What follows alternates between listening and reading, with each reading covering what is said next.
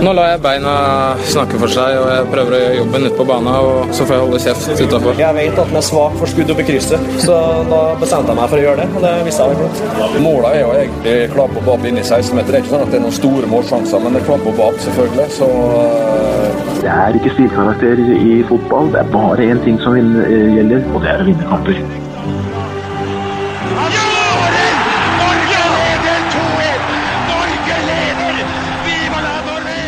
Og der er eh, toppfotball tilbake igjen. Direkte fra Ikke fra breddefotballen, men, eh, men eh, fra NM. Første runde i NM på diverse arenaer. Eh, personlig eh, kom jeg akkurat fra, fra å sette Ørn slå Oslo vest. Eh, 3-1 hjemme i Lystlund. Kanskje Norges flotteste stadionnavn noensinne.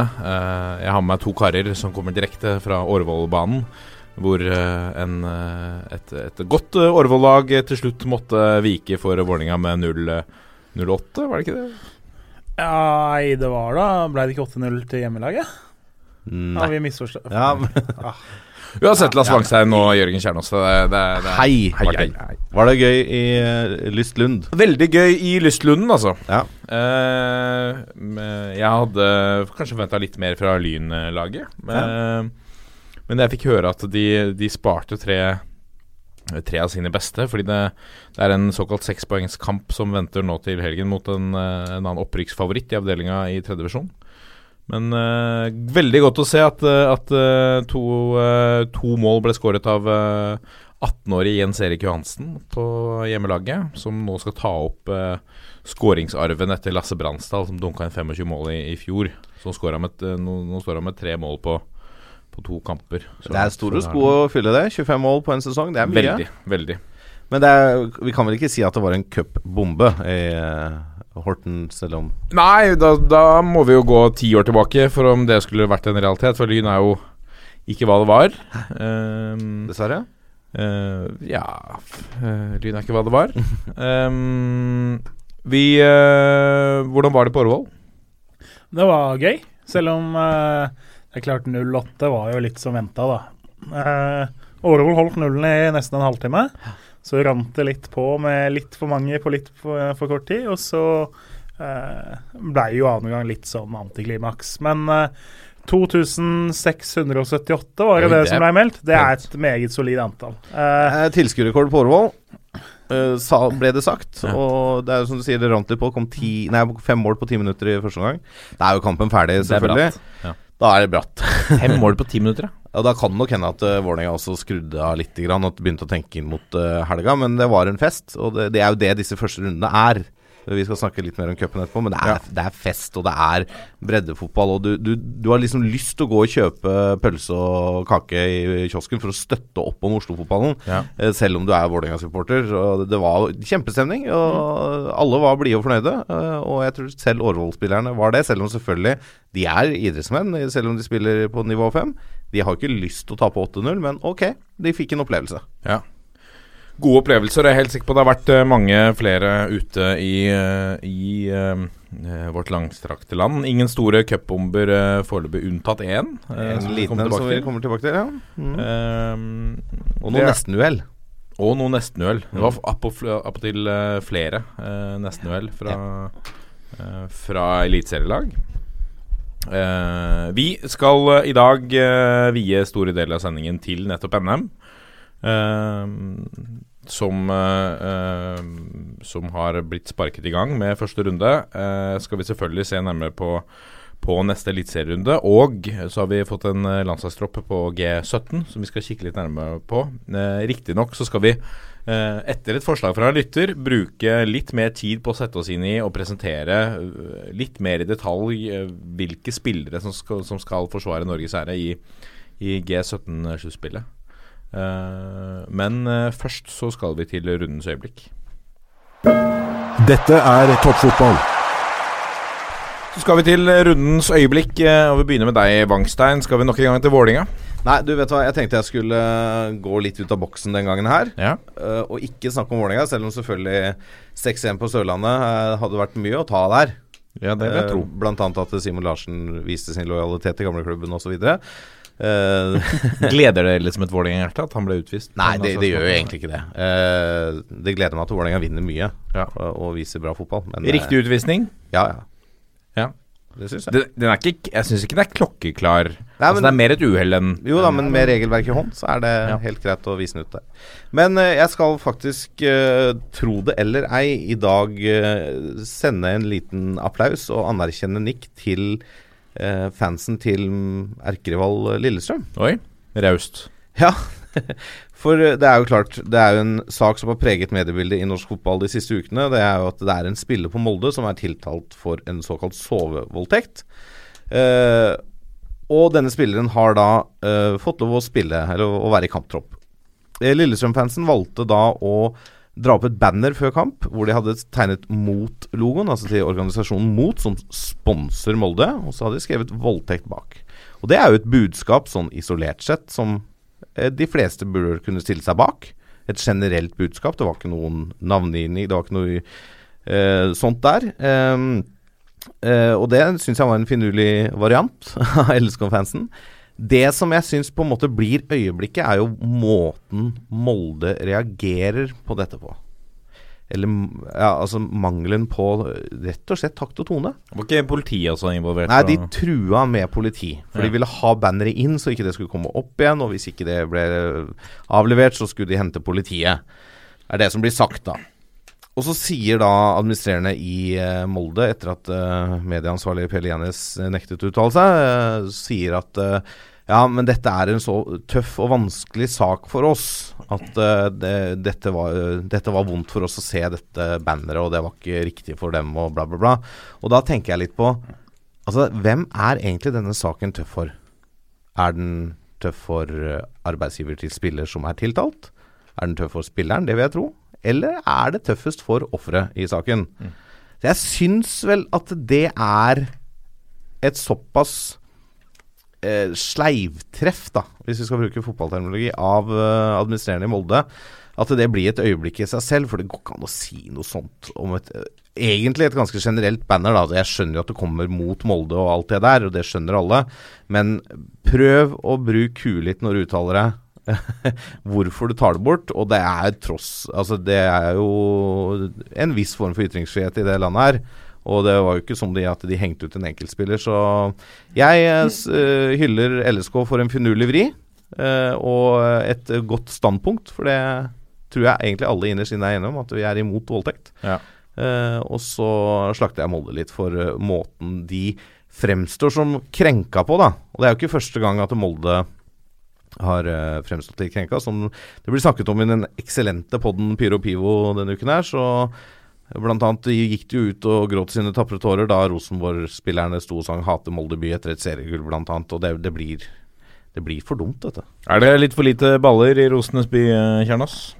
Ja, akkurat det kan godt hende. Kanskje bruke et annet uttrykk? Ja, denne sammenheng. eh, jeg er helt enig med det Lasse sier og mener, egentlig. Jeg, og jeg syns på norske tribuner er det stort sett veldig høy takhøyde, og det er veldig stor forståelse fra klubber om at supporterne mener ting om viktige ting. Eh, og så kan noen ting bli gærent av og til, men jeg syns dette banneret synes det er snålt å på en måte skulle gå opp på tribunen og fortelle om at dette får dere ikke ha oppe. Hadde det vært noen navngivning eller noe som var på en måte flåste over kanten, så OK, kanskje. Men uh, dette var en fiffig og finurlig og klok måte å gjøre det på. Og Molde lager en mye større sak ut av dette banneret. Hadde ikke de fjerna det, så hadde ikke vi sittet her og ant at det banneret var oppe blant LSK-fansen. Nå så har det fått fin dekning i media og blitt en case. Ja, det er akkurat det. altså Poenget at det banneret hadde kanskje vært oppe to minutter før kampstart. Det var det som var tanken. Og så kommer de der opp, og så blir det en case av det. Så blir det en mediesak av det etter noen tweets og sånn.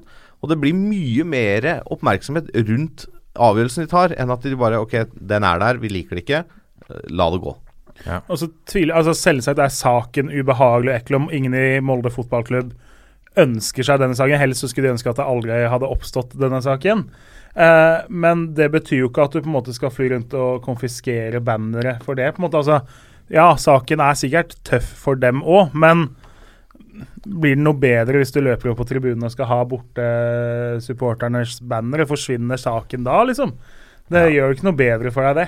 Så Er litt eh, For meg så slår det seg som eh, Som vi sier her, da, at det er ingen som navngis. Eh, det slår meg som litt naivt at man tenker at eh, ok, dette er et Vi skal prøve å, å, å bringe folk til en slags taushet, eller eh, På en måte eh, jeg, jeg, jeg liker Folk, veldig folka på grasrota er mye, mye sterkere enn en Molde fotballklubb, liksom.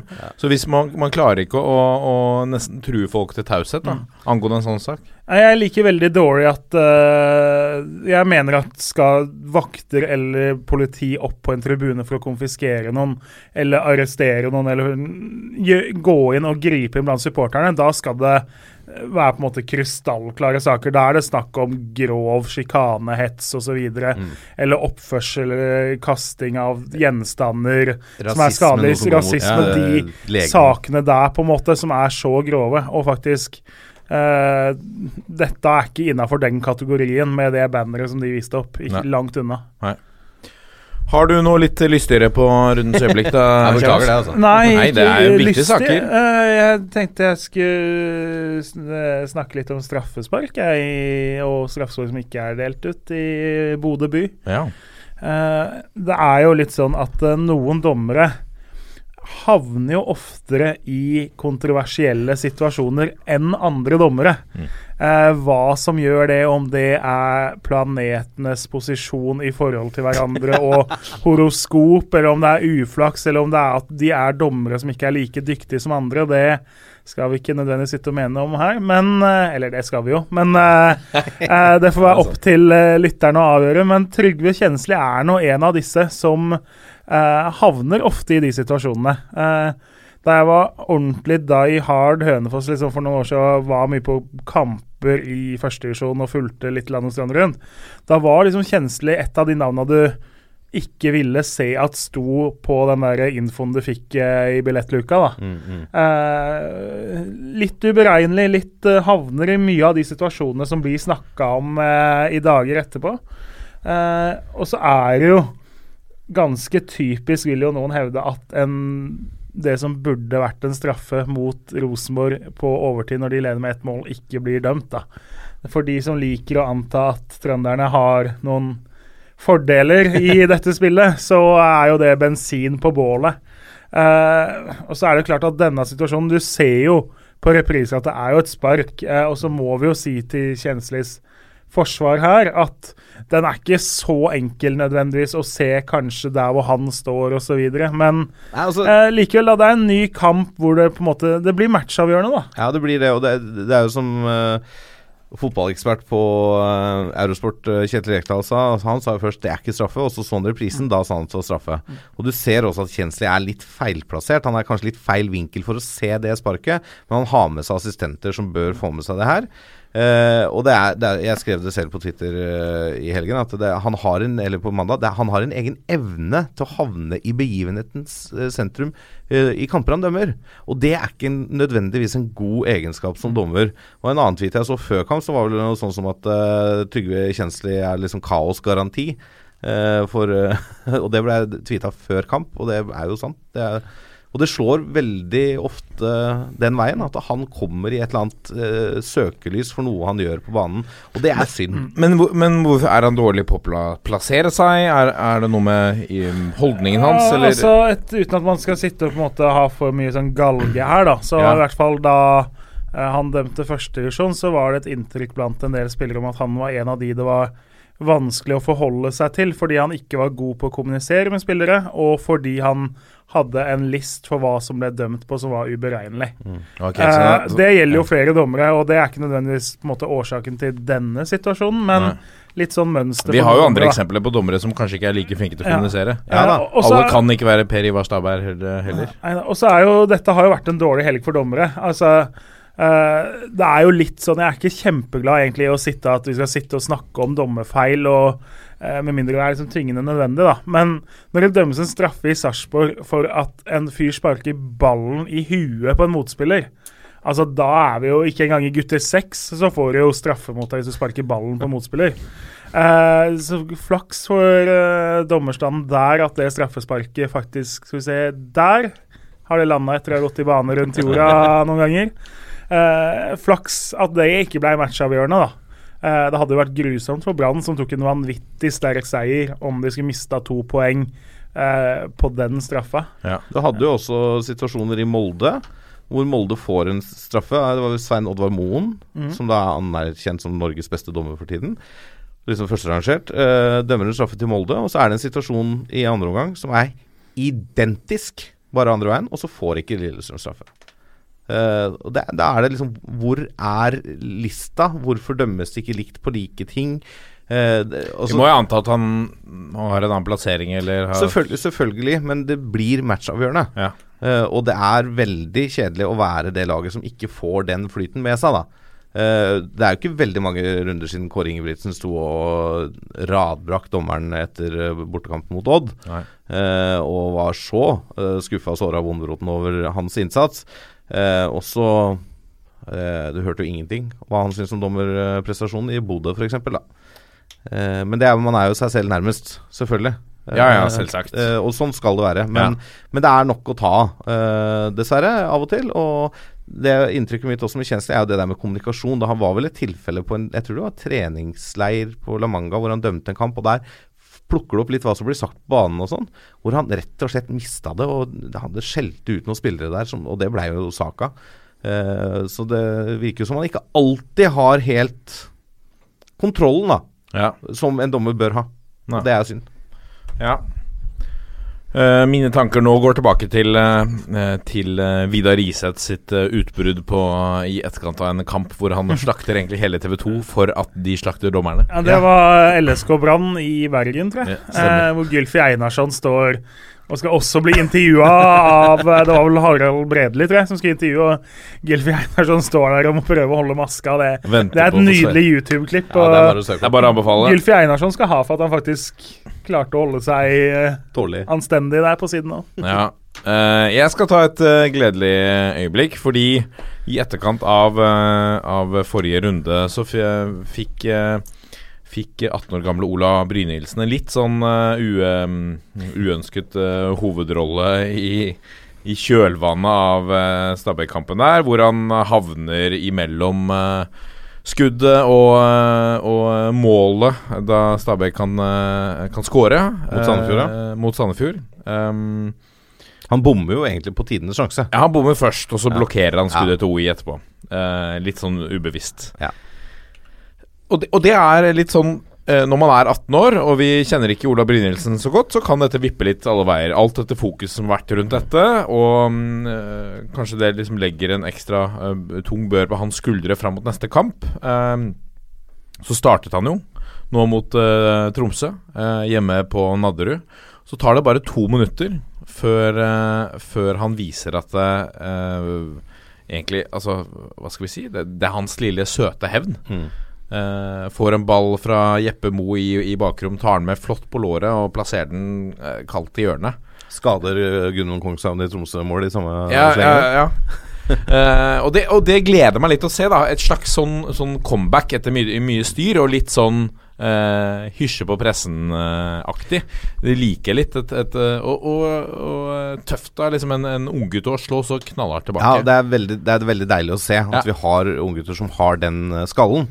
Eh, men jeg syns han også takla det veldig fint rett etter kampen mot Sandefjord. For han liksom, ja, det er sånn som skjer, jeg bomma og sånn. Men så sier jo alle du skulle hatt straffe, for han blir jo feid ned rett før han avslutter. Ja, ja, ja. Det skulle jo vært straffespark til han i, i Sandefjord. Ja. Eh, men det, var, det brukte han ikke så mye fokus på. Nei. Ja, det er sånn som skjer, liksom. Det var liksom var greit nok. Ja. Han bomma, det skulle han ikke gjort. Og det liker jeg, da. Mm. Eh, fokuset hans der, og at han slår tilbake. Det er fanta jeg er helt enig, det er veldig nydelig å se. Veldig bra. En uh, unggutt som blir, det blir spennende å følge han eh, i, i år. Bare 18 år, altså. i cupen i dag òg. Nå kommer pulsen. Da har vi kommet til pulsen, og pulsen i dag vil i stor grad bære preg av uh, eh, første runde i eh, NM. Eh, det har vært spilt en rekke kamper i eh, fjern og nær i eh, hele, hele landet. Folkefester som, som vi har vært innom. Og noen som feirer litt ekstra i kveld, er Bergsøy, Lasse. Ja, det bør være fest på, eller i, Fosnavåg i, i kveld. Um, Bergsøy, fjerdedivisjonslaget Bergsøy møtte da altså Ålesund. Som Ja. er spådd å være et av Obos-ligaens beste lag. Ny- Favoritt i Obos, kanskje? Favoritt i. Obos, eh, nettopp rykka ned fra Eliteserien. Eh, Ålesund tar ledelsen, oppskriftsmessig. Bergsøy snur hele driten og vinner 2-1. Eh, nå var det avslutninger eh, på mål. To til Bergsøy, tre til Ålesund. Så de skåra på sine to avslutninger på mål. Ja. Men det kommer tilbake da fra ligge Ja, under det, er, 1-0. det er fantastisk, ikke sant. Eh, og det er um, skåret etter 75 og 87 eh, foran litt over 1000 tilskuere der. Eh, det, dette er jo rundens store bombe. Ja. Det er veldig sjelden, da, det må vi si, at første runde byr på de store skrellene. Eh, sjelden eliteserie- og Obos-lagene ryker i første runde. Det er gjerne i andre runde det begynner å røre seg, når det kanskje kan bli eliteserie mot andredivisjon, førstedivisjon mot andredivisjon osv. ja, for nå er det mye fjerdedivisjon mot Fjerde og eh, tredje elite. mot elite og, Ja. og Obos, da. Eh, sånn er det jo. Men um, det sies at Lars Bohin valgte en litt sånn B-prega lagoppstilling, og har jo da helt tydelig fått uh, svi for det. Og da blir jo alt fokus i år. Det blir serien. Ja. Det er det de har å spille. Det blir ikke noe cup. eh, eh, Cupeventyr i Ålesund i år, i hvert fall. Det kan vi si. Og det er jo Ja, det er, eh, det er rundens bombe. Eh, så var det jo flere andre varianter som eh, lenge lå an til å bli store bomber. Ja, for uh, Ranheim eh, Ranheim tok en marginal 1-0-seier eh, borte mot FK Kvikk. Ja, til og med på nøytral grunn. Banen ble nei, kampen ble jo spilt på Lerkendal. Eh, på treningsbanen eller på kunstgresset der. Eh, eh, egentlig spiller jo Kvikk på Rosenborg-banen, men nå spilte de isteden på Rosenborgs bane. Hvorfor, si sånn. eh, hvorfor Nei, det er vel det I Banen var vel ikke helt klar og litt sånn. Uh, det er jo en del kamper som er flytta rundt omkring i, eh, på grunn av vinteren. Eh, vi hadde jo eh, ikke helt relatert, men både Frigg og Lyn måtte jo spille sine kamper oppe på Ekeberg eh, i helgen eh, fordi banene deres ikke er kampklare. Eh, så sånn er nå det. Eh, men det er klart, eh, Kvikk, et bra fjerdedivisjonslag. Eh, en av, et av lagene som kan rykke opp der, selv om Strindheim er tøffe. Og det er ikke så overraskende. altså Alltid så er det noen av eliteserielagene som får slite. Selv om de skal slå et lag fra fjerdedivisjon greit, så skjer det alltid at når det er 16 eller 14 lag, så kommer noen av dem i trøbbel. Og aller mest trøbbel hadde jo Stabæk, da. Ja. Eh, for de lå under og kom tilbake, og eh, der var det kamp helt til siste slutt. Ja, Ullern er jo et bra tredjedivisjonslag. Eh, det er ikke så lange turen for Stabæk, men ble rusta. Lå under 2-0. Eh, så ut som det skulle ende i cup-exit for Stabæk der. Og for et Stabæk som ikke har starta vanvittig flott, så ville jo en cup-exit på Ullern vært eh, eh, ille nå. Uh, Skårte to mål eh, helt på slutten. Uh, Berga ekstraomganger. Og som det ofte skjer da når eliteserielag berger ekstraomganger, så går de videre. Eh, vant 5-3 til slutt, men eh, kan jo da puste letta ut. Og der kunne jo også VG tise oss med den spennende inngangen Stabæk-seier på forsiden av Clickbait her, altså. Men uh, litt medfølelse med, med Ullern, eller? Som uh, leda Ja, herregud, det må være utrolig tungt å sitte og ha vært så nære, da. Å slå ut et eliteserielag og få overskriftene og eh, NM Altså, det hadde jo kommet reportere fra, ja, om ikke land og strand rundt, så hadde de liksom fått oppmerksomhet da en god stund. Og når andre runde kommer, så hadde det handla om at nå får eh, Ullern møte Vålerenga, eller Strømsgodset etter å ha slått ut Stabæk, osv. Så, videre. så For, for Stabæk skåra altså etter 87 og 89. Ja. Det var 2-0 til det 87. minutt. Og da er det Den er sur, altså. Svelge. Det må være vondt uh, for, for Ullern å, å gå på den. Ja, Så tar de ledelsen også attpåtil med, med Ola Brynildsen, som vi snakket om. I, Ja, i første eksamen. Ja, uh, og så klarer Ullern å utligne igjen. Nei, det ble 4-2, og så reduserte Ullern. Ja, det ble litt spenning Ja, okay. de siste ti. Ja, ikke sant. Men, Ja. men da også lever det. Når du får den uh, reduseringen der mot slutten, så, så lever kampen i, i beste velgående. Ja, så det var jo noe energi i dette Ullern-laget, i hvert fall. Det, det kan vi jo si.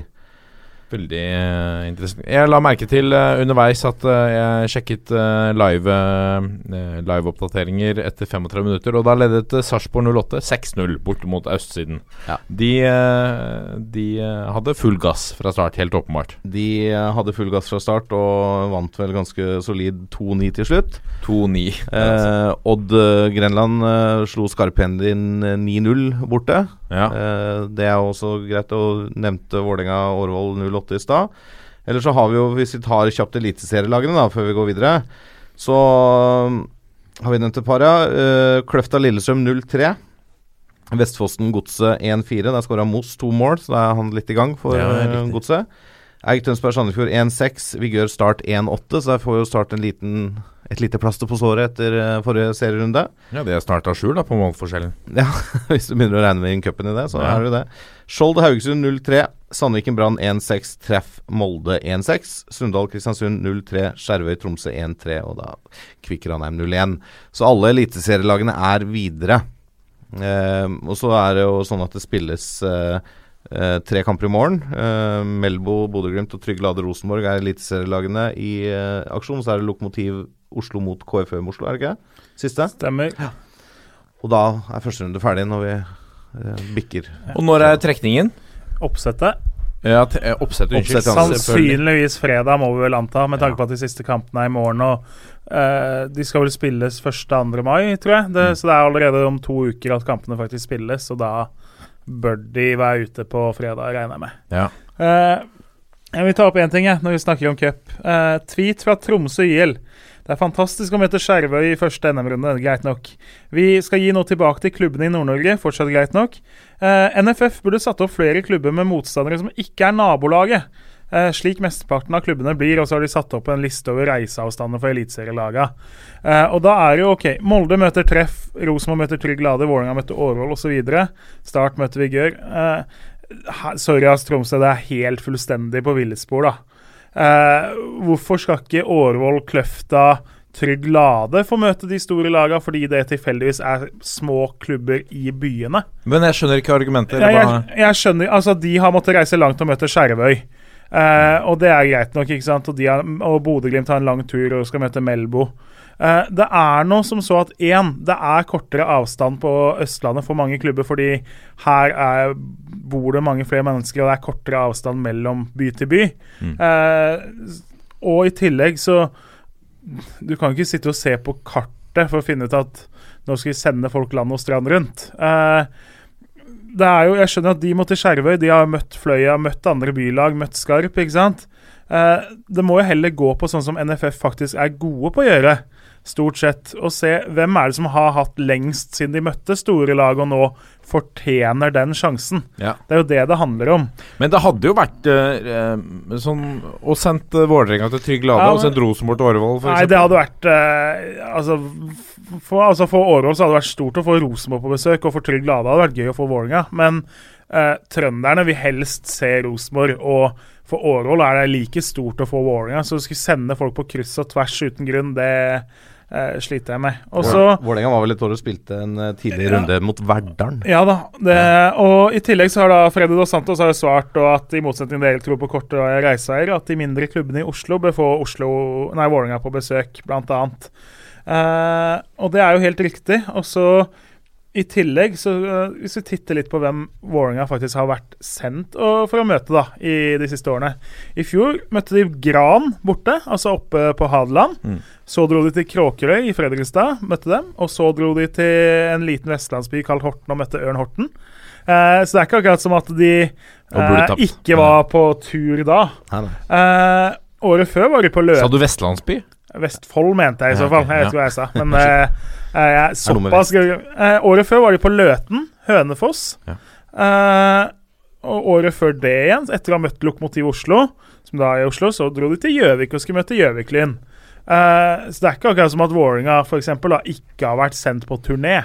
Men det er Eh, kortere fra Det er kortere fra Oslo til Gjøvik enn det er fra Tromsø til Skjervøy. Ja, ja, men altså mellom Oslo og Gjøvik så er det fortsatt 15 lag som er med i cupen som Vålerenga Ja, ja, kunne ja. Eller 30 lag det er kortere å reise til. Eh, Men Skjervøy var den tredje-fjerde korteste turen Tromsø faktisk kunne få i den runden her. Altså, vi, ha, vi har et ganske langstrakt land. Og når vi kommer nord for, eh, for Trøndelag, da, for å si det sånn, da blir det ganske langt uh, mellom eh, innbyggerne og langt mellom tettstedene. Altså jeg tror I Finnmark så bor det 60 000 innbyggere i hele det fylket, og det er ganske svært i omfang. altså. Ja. Uh, og liksom uh, lokaloppgjøret i uh, Eliteserien i nord er Tromsø mot Bodø-Glimt. Det er også et ganske godt stykke å reise, for å si det sånn. Ja. Uh, så det, sånn er det. Men da, dette får du jo dra fordeler av i senere runder, når man setter opp hjemme- bortekamp ut ifra reisevei i de første rundene. Da får jo de hjemmekamp tidlig, da, fordi at de har reist så langt. ja, ikke sant. Så det er jo å gi og ta her. Og, det, og jeg syns NFF her de, NFF får mye kritikk her i studio og i pressen og blant supporterne. Men akkurat måten de løser de der reiseveigreiene på, syns jeg de som regel treffer ganske godt på. Og enig. også som Jørgen sier, at eh, de, de prøver å legge til rette for at klubber som ikke har møtt storklubber på en stund, får muligheten. Mm. At de sprer det litt rundt, da. Og det er jo helt riktig. Eh, jeg er jo en av de som er glad i å kritisere når oppsett eh, ser snåle ut. Det er jo ikke noe hemmelighet. Men NFF Nei, du, når eh, Nei, så, Som andre liksom, eh, opposisjonspartier som har sitt alternative Ja statsbudsjett, så opererer du på Twitter med ditt alternative serieoppsett. Ja da, eh, der traff vi bedre i år. Men ja. uh, på NM de traff med det viktigste, og det er hvem som skal møte storklubba. Hvem får eliteseriemotstand, og hvem får hvilken eliteseriemotstand. Der traff de på at Kløfta, Skarpedin, Årvoll, Trygg Lade osv. Det var de lagene som liksom går ned i materien, var de riktige lagene, de som fortjente det nå fordi det var så lenge siden og de er blant de minste klubbene. Eh, så var det litt snålt på noen varianter hvor andredivisjonslag møtes osv. Men eh, oppsettet hadde stått til en fem eh, på terningen, i hvert fall eh, den gangen her. Og det er ikke så ofte vi ruller ut en femmer for eh, NFF her, og de har truffet på de viktigste måloppnåelsene, da. Ja. Ålesund eh, røyk. Eh, vi hadde et annet, eh, en annen, ikke en favoritt i Obos-ligaen, men en som har blitt spådd å henge med helt i toppen. Mjøndalen, som reiser til Tønsberg og møtte fjerdedivisjonslaget Flint. Ja, og det var ikke så lett. Det var ikke så lett. Der tok jo Mjøndalen oppskriftsmessig ledelsen i første omgang. Ja. Flint utligner fem minutter ut i andre omgang, og Mjøndalen tar igjen ledelsen to minutter senere. Men da åtte minutter før slutt så utligner Flint nok en gang, og det går til ekstraomganger. Fantastisk. Og da lever jo. Men Ja, så det er er, viser jo da Mjøndalen at de er et bedre lag, og skårer to mål i ekstraomgangen og tar seg greit videre. Ja. Men det er klart, det, det blir en eh, Det blir eh, en 120 minutter istedenfor en 90 minutter. Eh, selv om det sikkert har bytta litt spillere i, i førsteelveren der også. Jeg tror jeg leste se på eliteserielagene, så var det av de 158 spillerne som startet for de lagene som var i aksjon i dag, i Eliteserien, så var det 108 av de som ikke startet uh, cupkampen. Så det byttes jo en del til disse rundene. Men det er helt naturlig, kanskje? ja, det er jo det. det er, man kan jo fort gå på en smell, da. ja, du ser jo Ålesund gjorde det, men altså i første runde Mm. for eliteserielagene så er det meget sjelden at man går på en smell. Uh, men det er, det, er, det er fint å se at flere av klubbene tar det på alvor med måten de setter opp laget sitt på, og hvordan de, de løser oppgaven. Det er jo det som er mest rettferdig, og at det, de i hvert fall går ut og legger, legger litt i potten, da.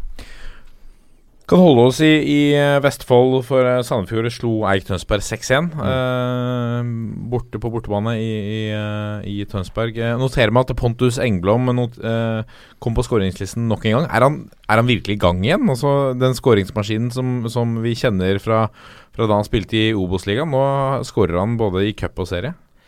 Ja, det kan jo mm, kanskje virke litt sånn, da. Ja. At uh, han øh, har funnet seg litt til rette. Og uh, det kan jo hende han er en sånn type spiss som trenger litt bekreftelser. Uh, trenger litt selvtillit, og når han får det, så kommer måla. Mm. Eh, og det virker jo som han nå har truffet bedre med klubbvalget enn han gjorde i fjor da han gikk til Godset. Eh, kanskje både i forhold til spillestil og sjanser han får. Han fikk ikke veldig mye sjanser i Godset etter hvert. Eh, nå får han litt tillit, eh, får prøve seg litt. og har også starta Eliteserien i år.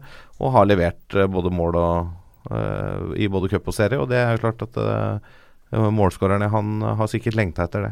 Er det et tegn på at å gå fra et topplag i Obos til å gå til et topplag i Eliteserien, at det blir for bratt? Eh, At man burde innom en klubb som Sandefjord eller eh, eh, type Ranheim, eller altså eh, en av de mindre klubbene før, før man tar steget opp til toppen av Eliteserien?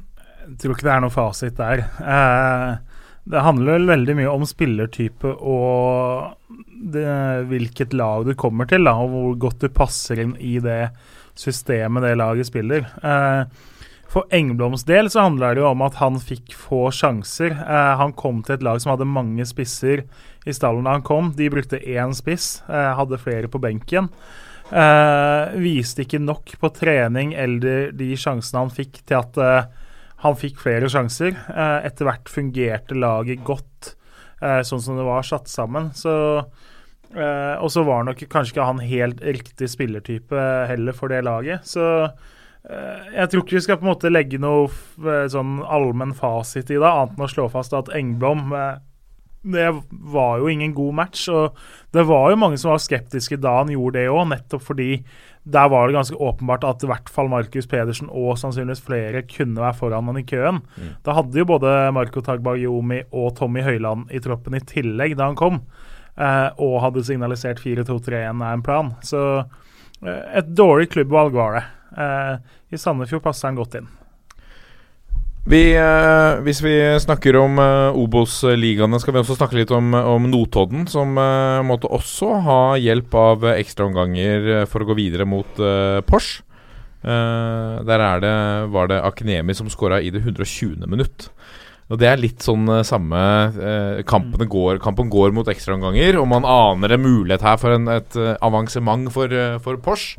Eh, før Akenemi er der da og, og, eh, og avgjør det hele med sine to uh, Altså det som ble hans to uh, skåringer. Han- Akademi skårte jo i siste sekund mot gamleklubben Nest Sotra på søndag.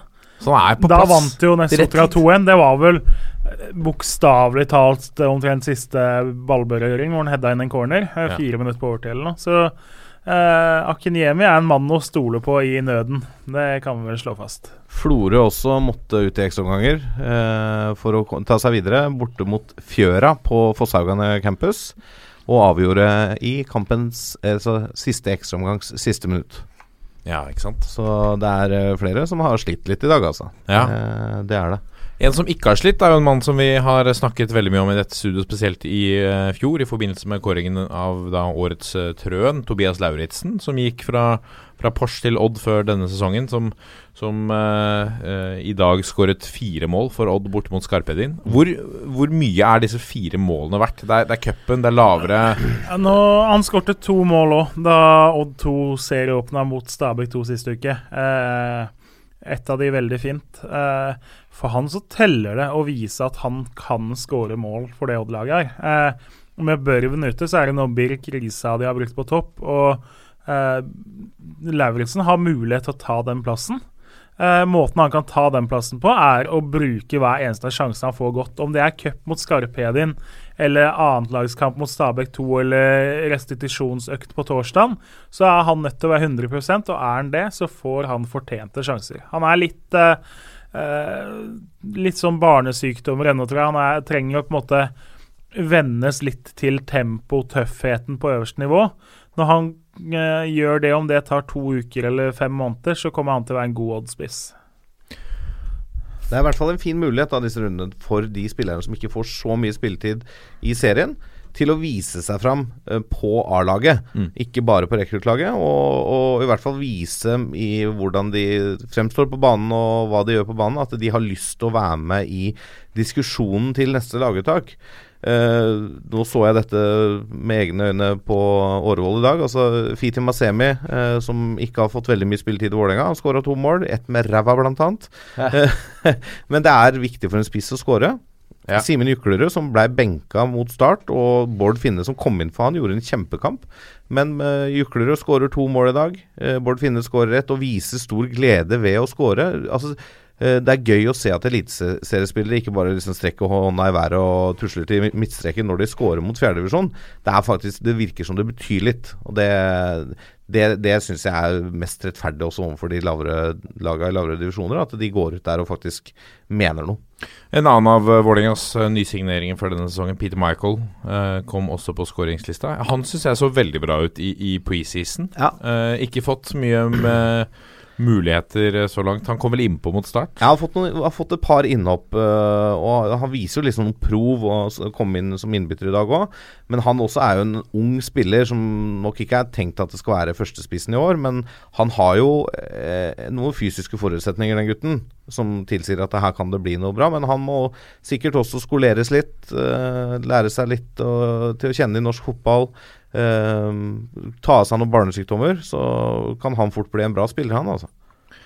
Brann møtte Sandviken i et lokal eh, derby i, eh, i eh, Hordaland, hvor en annen tidligere Vålerenga-spiller, Henrik Kjelsrud Johansen, noterte seg for to mål. Ja, og en annen tidligere Vålerenga-spiller kom tilbake fra skade med assist og scoring i Daniel Bråten. Ja, ikke sant? Så han har jo vært savna i Brann, vært skada i vinter og er nå på full fart tilbake. Og Det er jo veldig veldig bra for Brann å ha han i, i rullering òg. Og gøy for Eliteserien. Veldig. Altså En på, påskrudd Daniel Bråten, det er jo bare gøy å se på. Ja.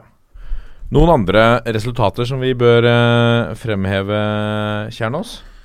Ja, egentlig alle. Bør ikke det, men eh, nei, det eh, Jeg gleder meg over at eh, Junkeren slo ut eh, Mo med 1-0. Jeg var jo og så Junkeren spille serieåpning eh, på søndag. Da slo de Grei med 3-2 på bortebane etter å ligge under 2-0.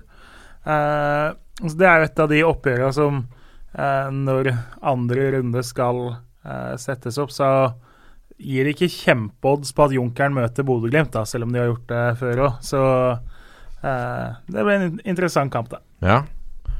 Du, den er på en måte bankers, som du ser det? Ja, nå tar jeg ikke helt i farta hvor lenge det er siden de møttes. Det var vel ikke superlenge siden, mener jeg å huske. Så da, det har jo også en innvirkning på hvem som møter hvem. Men eh, klart med to Bodø-lag igjen, og det ene er i tredje divisjon og det andre i eliten, så kan man jo være frista til å sette opp det oppgjøret. Eller så kan jeg nevne at uh, det var det Martin Roppestad før sendinga kalte et lokaloppgjør i, uh, i Valdres storhall i dag, hvor Valdres tok imot Brumunddal.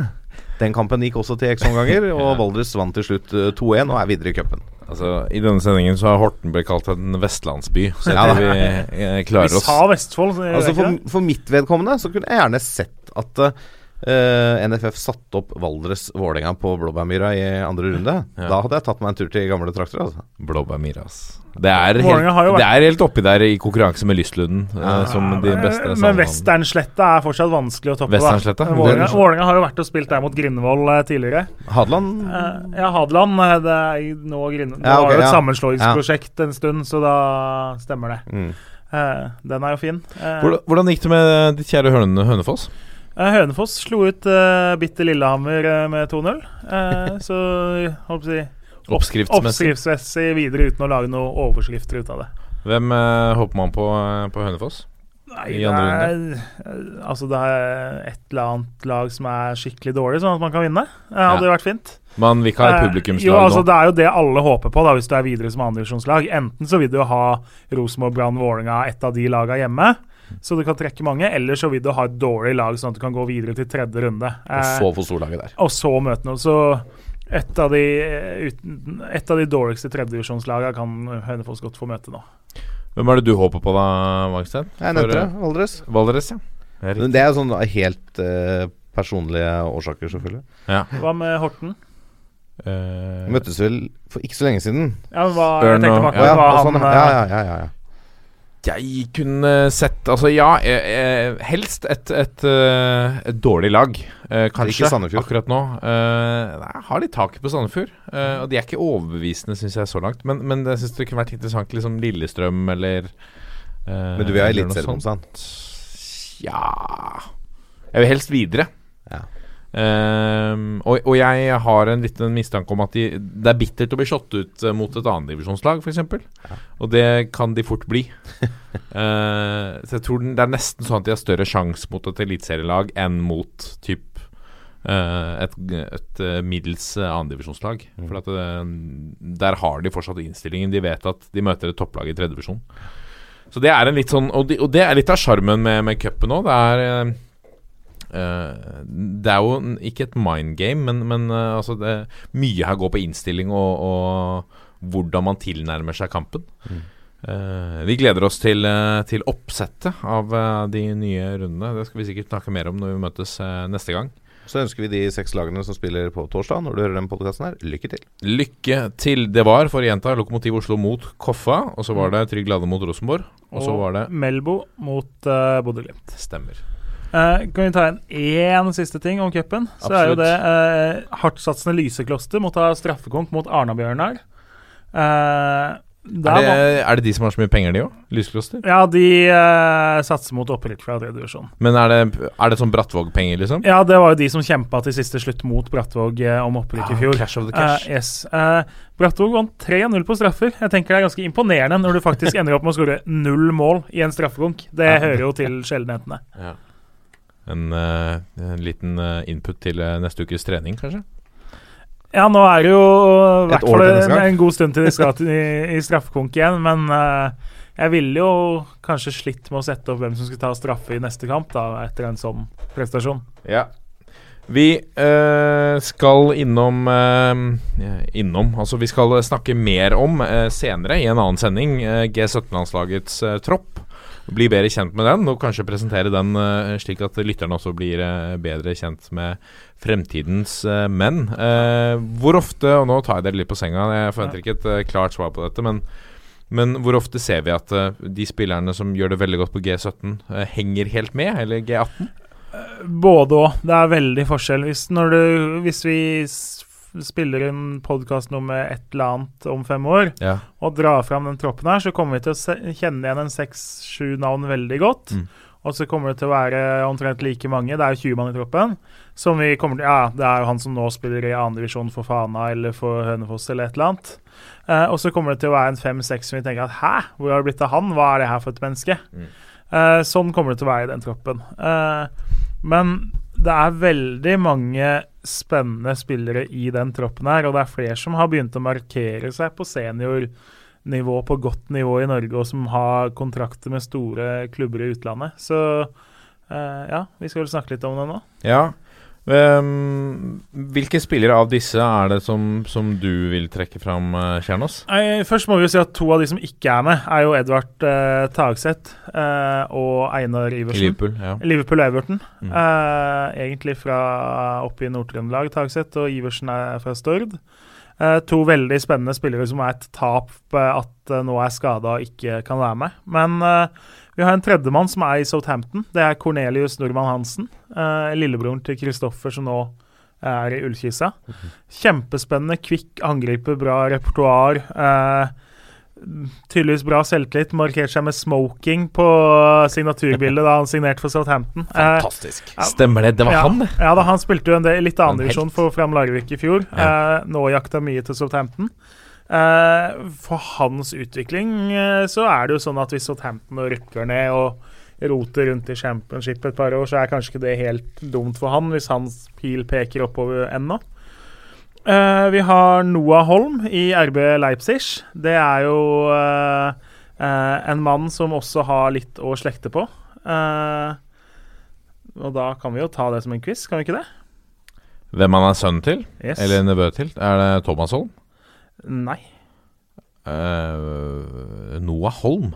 Noah Emanuel Jan Holm er sønnen til en tidligere profil i norsk fotball som ikke er norsk, men som har vært både trener og spiller. David Nilsen? Det er sønnen til David Nilsen, faktisk. Selvfølgelig er det det. Eh, er han eh, spilte i Strømsgodset. Eh, Havna litt der eh, av at faren var der. Mm. Eh, spiller nå i tysk fotball. Også en spiller som ikke skal si at man har sett mye, men som man har hørt mye om, da. Uh, Mathias Kjølø er i PSV. Det er jo sønnen til, eh, tidligere fotballspiller og nå dyktig fotballagent Mike Kjølø. Eh, god midtbanespiller som har vært i Vålerenga-systemet før han dro dit. Joshua Kitolano, ekstremt spennende midtbanespiller som har spilt litt for Odd nå. Han fikk jo debuten sin nå sist, gjorde ja. ikke? Eh, og som eh, kommer nok til å få noen innhopp eh, til i løpet av høsten for, og resten av sesongen for Odd. Det er en meget talentfull familie hvor både eldste storebroren hans Erik i Ullkisa og John på venstrevekt i Odd også er meget lovende. Ja. Eh, Thomas Rekdal Ja, for han, eh, han eh, gjorde det bra i fjor tidvis for Fredrikstad, i Obos-ligaen. Ja, fikk vel ikke all verden med tid der, men han, i hvert fall, han var viktig på veien til å kvalifisere seg nå. Eh, kapteinen der, tatt noe frispark og skrudd opp i krysset. Eh, starta for Fredrikstad da de slo Asker i første seriekamp her nå. Eh, er jo da sånn at han spiller på G17-landslaget, men ser jo ut som han har fotballhuet til en eh, 30-åring. Så på en måte spiller med ro og kløkt eh, på midtbanen. Eh, et navn som på en måte alle klubba, ikke bare i Norge, men rundt om, har satt streker under. og eh, en Og ikke bare fordi han er nevøen til Kjetil. ja, Gjør han et godt mesterskap, så tror jeg han, om ikke han kan velge og vrake, så tror jeg han kommer til å få en god del spennende tilbud fra utlandet. Eh, for det, han er en spiller som mange har på blokka si, og hvis han viser noe i mesterskap, så kommer han til å få sjansen. Eh, og det er jo flere, men det er noen av de mest uh, på en måte store navnene. Ole Martin Kolskogen gikk jo til Åsane og starta første seriekamp der. Uh, spilte vel de to første rundene der, så det er noen som banker på døra for å spille på en måte på de to øverste nivåene. Oskar Aga i Stabæk, også en giftig spiss, en bra målskårer. Kvikk, kommer til sjanser. Så Uh, uten å kunne si veldig mye om Portugal, Sverige eller Slovenias G17-landslag, eh, så bør det norske laget ha spennende muligheter, selv uten to av sine aller beste i troppen. Og det hele sparkes i gang. eh, Første kampen går 4. mai klokken, eh, klokken to. Da møter vi Portugal borte på Walsall FC Stadium. Er, det, eh, er dette et eh, event som blir eh, godt besøkt i, i England? Altså, Walshall, Burton og Longborough det er, jo, det er jo ikke stadionnavn og stedsnavn som eh, klinger mest i norske fotballsupporteres ører, kanskje. Men uh, det er jo disse mesterskapene, det er jo litt interesse rundt det, men eh, det er nok en stor del andel speidere og mødre som er på tribunen, ja. Perfekt da for spillerne at man legger det til England, hvor det er jo mange, i hvert fall nordmenns eh, store drøm å spille i, eh, i England, og da å komme dit og, og prøve å imponere på, på Balløya, Lasse. Ja, det er klart at det Altså, det er jo et mesterskap, da. Ja, klart. Kan ikke ta, ta fra dem det uansett. Og det som Jørgen sier her, det er, det er noen av disse spillerne vi kommer til å høre mer om i tiden som kommer, og så er det noen som kommer til å falle fra. Sånn er det bare på det, på det nivået her. Det kan være litt tilfeldig at noen er tatt ut foran noen andre, men eh, vi har jo hatt Gunnar Halle på besøk her. Det jobbes godt i NFF for å eh, kartlegge eh, potensielle spillere som skal være på landslagsskolen, da, for å si det sånn. Og det, det er jo veldig gledelig å se den fremgangen vi har hatt i norsk eh, ungdomslandslagsfotball eh, det siste året, spesielt. Eh, da med mesterskap og, og sånne ting. Eh, Så det blir spennende å følge gutta og se hva de får til der nede. Veldig. Er det, er det noen klubber her spesielt som, som mister, eh, mister nøkkelspillere ved å, ved, på grunn av dette mesterskapet? Nei, ikke uten at det er noen andre lag eh, og sånn som blir litt svekka. Eh, det er jo få av disse som faktisk er eh, spiller og, eh, fra start for klubba sine ennå. Mm. Eh, litt mer komplisert med G19, men da er det stort sett ferie for eh, eliteklubbene uansett. Så det, de får ikke merke det i noen seriekamper, de heller. Nei. Vi ønsker i hvert fall G17 eh, og, og Gunnar Halle eh, lykke til. Det blir eh, spennende å følge med på hvordan det går. Um, for de som ikke er like oppdatert på G17, skal vi sørge for å holde folk oppdatert, i hvert fall her i denne podkasten, på hvordan det går. Uh, går ikke på noe eh, er, det, er det for eh, tidlig for at liksom Eurosport eller uh, noen av de plukker opp disse kampene? Går det på noe TV? Uh, ja, nå spør du godt. Jeg blir overraska hvis ikke noe, en av disse kanalene som liker å sende fotball, sender dette. Eh, jeg vil jo tro at det er flere enn oss tre som har lyst til å se lovende norske unggutter spille mesterskap mot eh, gode nasjoner. Ja. Dette er toppfotball. Og da skal vi se nærmere på neste eliteserierunde. Og vi begynner eh, på Brann stadion Kjernås. Eh, Brann som tar imot Stabæk. Ja, Brann er jo hvis, Altså, nå er det veldig tidlig i sesongen. Så det er veldig Det er altfor tidlig å på en måte skulle tolke noen trender eller noe sånt. Men Brann har også åpna med tre seire og én uavgjort. Eh, de har sluppet inn to mål på de fire kampene. Og de har framstått bunnsolide i de 360 minuttene som de så langt har spilt. Eh, nå er jo ikke bergensere kjent for å være de mest eh, holde beina på jorda-aktige menneskene hvis uh, fotballaget deres har suksess. Eh, men det er klart, nå møter de Stabæk, som vi skal si litt mer om, men som jo har starta vinglete. Eh, litt skuffende. Og så har de jo dette utsatte oppgjøret borte mot Ranheim, som jo har starta godt, men Ranheim er fortsatt eh, et lag vi forventer at skal havne nede i bunnen. Brann har en god sjanse til å kapre med seg seks poeng denne uka. Eh, gjør de det, har vunnet fem av de seks første. Og så har de da Sandefjord, Tromsø, Start, Haugesund, Lillestrøm i de neste. Eh, jeg ser ikke for meg at det er helt usannsynlig at vi får noen uh, litt uh, overdrevne profetier fra de syv fjell i løpet av de neste ukene. Altså, det ble sagt om at gullet skal hjem etter ja, seier da, i serieåpningen. Men altså, Brann har sett så gode ut så langt at fortsetter de på det sporet her, så er det jo et lag vi må regne med helt i toppen. Og da snakker vi ikke bare kave etter en bronsemedalje. Da snakker vi om å kunne utfordre de lagene vi forventer at er bedre. For nå er de det eneste laget i Eliteserien som er ubeseira. Eh, men så er det denne faktoren som du nevner. da Nå er det eh, først eh, 21. april så er det kamp hjemme mot Stabæk, og så skal de da fire dager seinere bort Altså spille borte mot Ranheim. Hvor Er det for tett på, eller? Nei, det, altså, det klarer de jo. Det er jo samme for Ranheim som for dem, på en måte. Ja, det er jo en dag mindre for ja, Ranheim. én dag, men når du er på såpass, så det har mindre å si. Eh, Brann er klar favoritt mot Stabæk, eh, og ganske klar favoritt mot Ranheim. Eh, minst fire poeng er på en måte paret der på de to kampene, eh, hvis de skal henge med. Mm.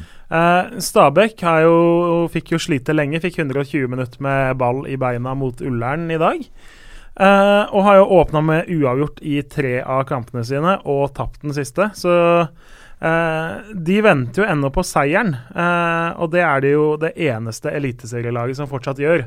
Alle de 15 andre har klart en trepoenger denne sesongen, her. det har ikke Stabæk. Uh, Syns de mot Tromsø Ohi beskrev det som at de var et håndballag. De kasta ballen, eller spilte ballen fra side til side, og det var lite framdrift, og det så ikke ut som han helt brydde seg om hvor målet står hen på fotballbanen.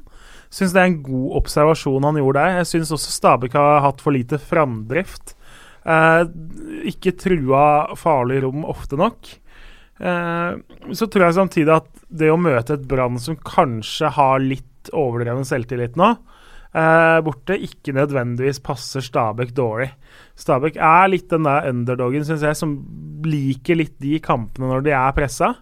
Eh, men det er klart at uh, situasjonen de enn så lenge er i De har også dobbeltkamp nå, uh, for de som spiller fantasy. Skal jo da møte Start igjen til midtuka.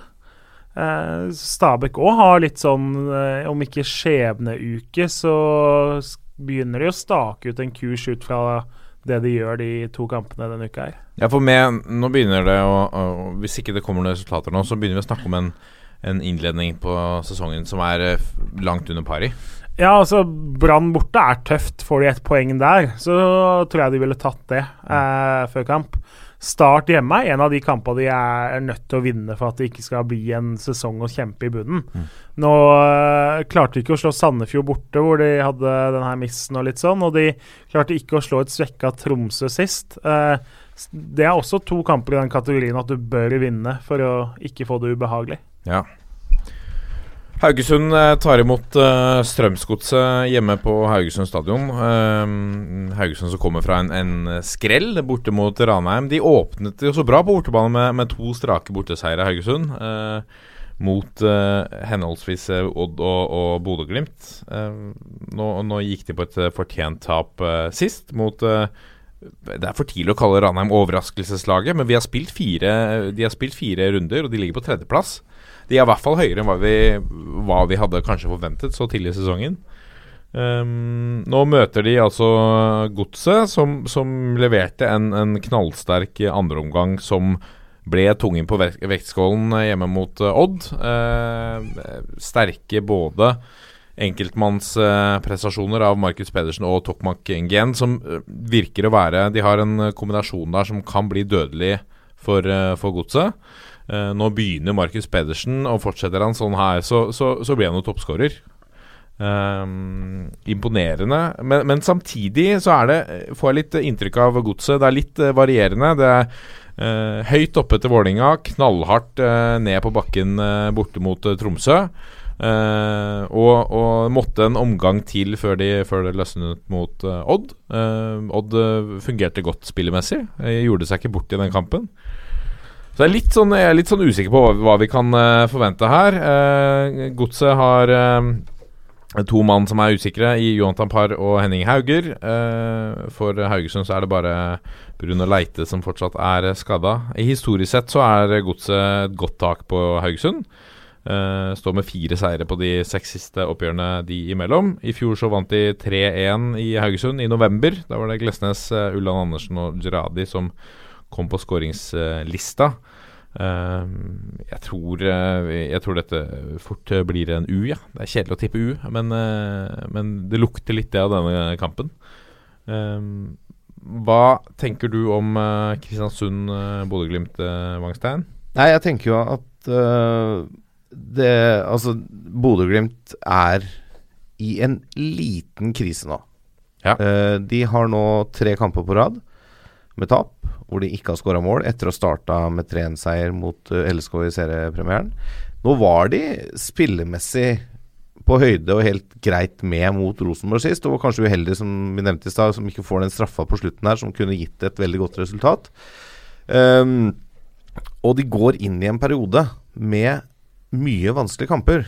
De har denne bortekampen mot hjemmesterke Kristiansund. Ok, nå tapte Kristiansund første kamp mot Vålerenga, men vant da mot LSK i neste. Og i neste runde etter den her så er det bortekamp mot Sarpsborg, og så er det hjemme mot Godset, så er det borte mot Molde, hjemme mot Tromsø, borte mot Start, og så til slutt hjemme mot Ranheim. Det er de neste kampene til Bodø-Glimt. Det, no, det er jo Start og Ranheim kanskje de må ta poeng mot for å på en måte ta fra potensielle nedrykkskandidater eller kollegaer eh, poeng. Men det er ikke gitt at det blir så mye poeng i de neste kampene her. Så dette kan bli en sånn litt nøkkelkamp apropos det å møte lag som ligger litt lenger ned på tabellen. Eh, Kristiansund ligger to poeng foran, har fem mot eh, Bodø-Glimts tre. Eh, vinner Kristiansund denne, så er det jo en liten luke opp. Eh, de har møttes eh, to ganger tidligere i historien. Det var i 2013 i førstedivisjon. Da vant Bodø-Glimt begge matchene 2-0. Jeg tror ikke det har så veldig mye å si eh, for den kampen her. Så jeg har eh, Kristiansund som en favoritt. Men altså, selvfølgelig så tidlig i sesongen så kan plutselig Glimt våkne fra dvalen. Altså. Det er ikke noe tvil om det. Men uh, Kristiansund må bære favorittstempelet, kanskje for første gang i år. Uh, hjemme nå mot, uh, mot Glimt.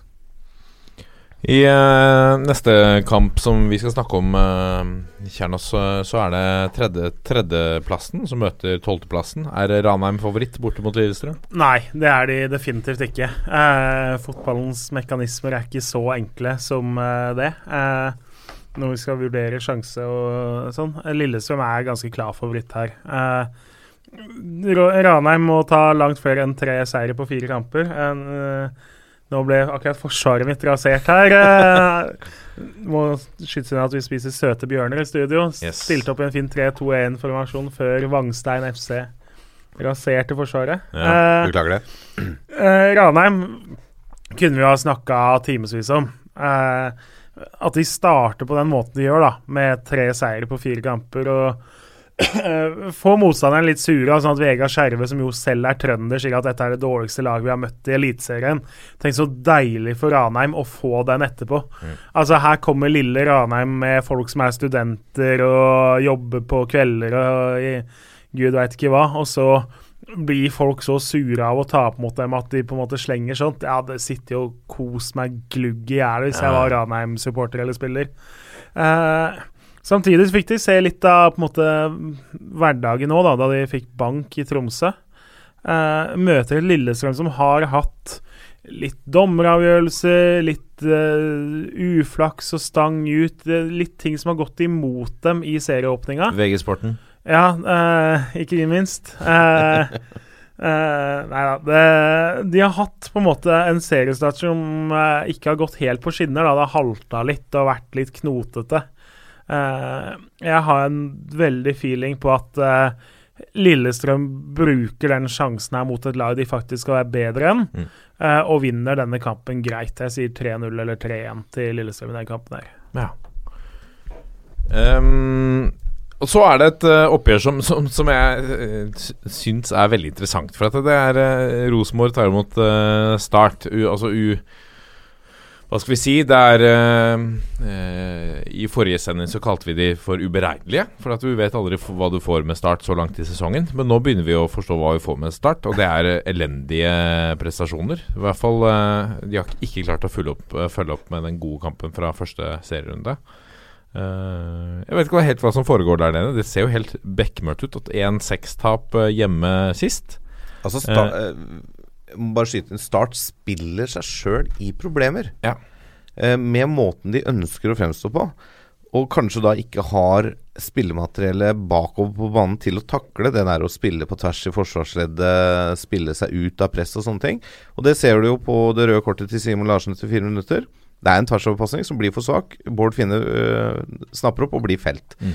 De spiller seg i trøbbel gang etter gang etter gang, og det ser ikke ut som de lærer. Men altså, nå skal det sies at de hadde i hvert fall en god omgang mot Lillestrøm i kampen før, og de var best i 65 minutter mot Sandefjord. Mm. Selv om de taper 4-1. Det er et stygt resultat. Men Og Mark Dempsey har vel gått ut nå og sagt at vi kan fort finne på å tape med ti mål mot Rosenborg. ja, og hvis øh, Fordi at når du blir straffet ja, ja, ja, det er litt sånn merkelig retorikk. Men øh, når du går ut med en sånn type ambisiøs som vi snakker om her, da Man er såpass ambisiøs mot selv Vålinga så selv en, en Bård Finne som foreløpig ikke må sies ikke er i toppform uh, så langt i sesongen, uh, klarer å, å, å, tukte de uh, så, så, blir det jo spennende å se hva hva som skjer når de møter Alexander Sødlund, Niklas Bentner. Altså et helt annet, med all respekt, Wangstein, et helt annet arsenal der framme. Altså De trenger ingen ekstra invitasjoner for å, for å putte noen kasser. Nei, nei. Så, så, jeg er jo helt enig med Mark Dempsey. Altså Fortsetter de å fremstå på denne måten, så, så kommer de til å slippe inn lasser av mål på Lerkendal. Men han, uh, han, sier nok det litt for å kanskje få, Dytte, få en reaksjon, da. Ja. Uh, men det er klart jeg syns jo det har vært gjort noen vurderinger av uh, godeste Dempsey de siste, den siste tiden som jeg har stussa på. Jeg har ventet lenge med å gjøre noe på stoppeplass da Simon Larsen ble utvist, bl.a. Jo, det er jo én ting, men jeg tenker også sånn i, i måten han takler uh, resultatet på. Én ting er at han stormer inn i dommergarderoben etterpå og liksom sutrer og, og, og, og han hadde en monolog, sier dommeren. Uh, hvor dommeren ikke slapp til fordi at uh, dommeren hadde sagt et eller annet sånn at dere tapte 6-1 liksom, til en ung spiller som hadde klagd på et eller annet på slutten. Da. Han uh, Christensen, er det det han heter. Og så nekter han spilleren å snakke med pressen. Han sender bare ut Elliot Keck til å snakke med lokalpressen. Ja. Og fordi at han har så unge spillere som han må beskytte og sånn, og så kaller han keeperen sin ung. Keeperen er 25 år. Ja. Greit at han debuterte, men han er 25 år, han er en voksen mann. Altså, altså du, du vi, Ja, altså er det voksenidrett, dette. Og vi må forholde ja, oss til pressen faen, ja, du må forholde deg til pressen, altså. altså. Ja, for du, du, kan ikke bare stå der og snakke når uh, sola skinner. Nei. Du må faktisk Det er en del av læringa for disse spillerne å stille opp for pressen også når det er litt tungt. Og det, det, jeg skjønner ikke at Start som klubb tillater at de kan holde på sånn. Men det høres ut som det er henta ut fra boka krisemediehåndtering for uh, fotballtrenere. Mm. Og så slår du opp på kapitlet 'Du har starta sesongen elendig og får juling hjemme mot et middels lag'. Mm. Uh, hva gjør du? Og da står det jo liksom Du lot bare den passere? Ja, ja altså Vålinga, jeg liker Vålerenga altså, men det, de har fått juling av Sarpsborg og Strømsgodset i de to foregående kampene og vist at de har et stykke opp til de beste. Ja, uh, Vålerenga er ikke noe medaljelag i år. Uh, så Start kommer til å møte bedre lag enn det her. Uh, men i hvert fall, da. Eh, du framstår helt eh, surrete nesten med Eurosport og snakker om ting som er fullstendig annerledes enn det seerne og alle tilskuerne har sett. Du klager på dommeren, du lager sak og får overskrifter på at du ikke lar spillerne snakke med pressen. Og så håper du vel kanskje da at det her at laget ditt har vært drit dårlig, ikke skal bli snakka så mye om som det det ellers hadde blitt snakka om. da. Jeg tror det er det som ligger bak i huet til Dempsey, at hvis han lager masse mulig støy og vifter med armene og sier 'Å, oh, se på det her', så glemmer vi kanskje litt resultatet en stund. da. For Start er i ferd med å eh, spille seg inn i en krise hvis det her fortsetter. Ja. Eh, det er altfor tidlig å snakke om at de er i en sportslig krise. Når du henter et dusin spillere, og så henter du noen til på deadline day, og så eh, får du juling på hjemmebane, og du sliter med å vinne kamper, og Sandefjord skårer fire mål på deg osv., da eh, begynner snart alarmen å gå, og så har daglig leder sagt opp nå igjen, og nå skal han vel faktisk gi seg. Og så eh, Ja, jeg tror ikke på en måte at det er hvilepuls man tusler rundt med på Sør Arena for tida. Og de har ikke noe kjempelett kampprogram framover, de heller. De har to bortekamper på rad nå. Det er borte mot Stabæk i neste runde. I Ja, den er utsatte. Den utsatte, og så er det hjemme mot Haugesund, borte mot Odd, hjemme mot Brann, borte mot Sarpsborg. eh, før Glimt kommer på besøk på Sør Arena. Altså Det er ikke noen kjempeenkle kamper som venter heller, da, for Dempseys og Tor Christian Carlsens gutter. Nei. Nei, øh, nå har de vel fortsatt øh, Håkon Oppdal, Oppdal er vel fortsatt skadet. Simon Larsen er definitivt uh, suspendert. Uh, Rosenborg mangler uh, Anders Tronsen. Eh, på de siste seks kampene så har Rosenborg vunnet seks. Så det er Mot start, ja. Mot start, ja. Eh, så det er eh, ganske klokkeklar eh, statistikk. Og, eh, men det som de skal, eh, tror jeg skal bekymre seg enda mer for, er at både Søderlund og Bentner er i gang. Og Bentner i en slags kantrolle. Skjev kantrolle. Eh, Det funka veldig bra mot Molde. det er ikke sikkert dette funker Funka ikke like godt mot Glimt. Nei. Eh, men, men de har i hvert fall fått i gang begge to, og det lover jo godt for Rosenborg, og det lover ikke godt for Start. Vi går eh, videre til eh, Tromsø, Wangstein. De tar imot eh, Sandefjord. Ja, de gjør det. Og dette er to lag som har møtt hverandre i Tromsø åtte ganger tidligere. Fem av disse oppgjørene har endt uavgjort, og Tromsø har tre seire. Så Sandefjord har aldri vunnet da i, i Tromsø, og i fjor endte det 1-1 på Alfheim. Historisk sett så har Sandefjord et bitte lite tak på Tromsø, med seks seire mot Tromsøs fire. Det er også seks kamper som da har endt uavgjort. Sandefjord kommer jo nå fra denne rekken med tre hjemmekamper på rad, eh, hvor de har uh, raska med seg to poeng. To uavgjort og ett tap. 3-3 mot eh, Kristiansund sist, hvor de utligner helt på slutten. Og det er en sånn boost som du kan ta med deg. Fordi at når du ser ut til å tape og får utligning på slutten, så er det, det, er, det er noe eget. Det, nesten, det føles nesten som en seier. Så det kan være noe de tar med seg. Eh, Tromsø har jo spilt to hjemmekamper i år, og mm, eh, hadde 1-1 bort mot Stabæk sist. Men i hjemmekampene så har de altså 7-1 i målforskjell og Ja. to seire. Eh, Herja med godset. ja, og det viser jo at de driver bygger et lite fort på Alfheim der, altså. Rett og slett. Valakari eh, har funnet et eller annet som funker eh, når de får besøk. Overraskende, syns jeg, altså. Ja, litt overraskende. Jeg er enig i det. Ehm, jeg vil jo si ganske klart at Tromsø er favoritter her. Men det blir jo spennende å se om Magnus Powell nå får enda mer ut av den der nye 4-4-2-formasjonen i Sandefjord. Den nye Sandefjord. Han kjenner formasjonen godt, har brukt den i Levanger. eh, men har jo kjørt 3-4-3 i starten av sesongen, og nå la, la om nå mot eh, Kristiansund. Så det blir spennende å se om den setter seg litt mer. Men det er, dette er en viktig kamp for Sandefjord også, fordi at de har eh, borte, hjemme mot Brann i neste. Og så har de borte mot LSK, og så har de Vålinga på besøk. Så skal de til Skien en tur og møte Odd, og så skal de få besøk av Sarpsborg. Og så skal de til Drammen og møte Godset. Det er ikke noen lette kamper som venter for Sandefjord heller. Eh, så de trenger å ta litt jevnt og trutt med poeng nå, for å ikke havne ordentlig ned med smøret der. For når vi kommer og har spilt ferdig Godset Sandefjord, så har vi spilt såpass mange kamper at det begynner å sette seg en tabell. Eh, Tromsø på sin side eh, møter eh, har en hjemmekamp til etter denne. Det er mot Kristiansund, og så er det borte i Bergen. Og så, så får de besøk av Lillestrøm. Så er det lokaloppgjøret borte mot uh, Bodø-Glimt. Før Vålerenga kommer på besøk. Og så blir det en liten svipptur til Haugesund, og så kommer Rosenborg på besøk eh, på Alfheim.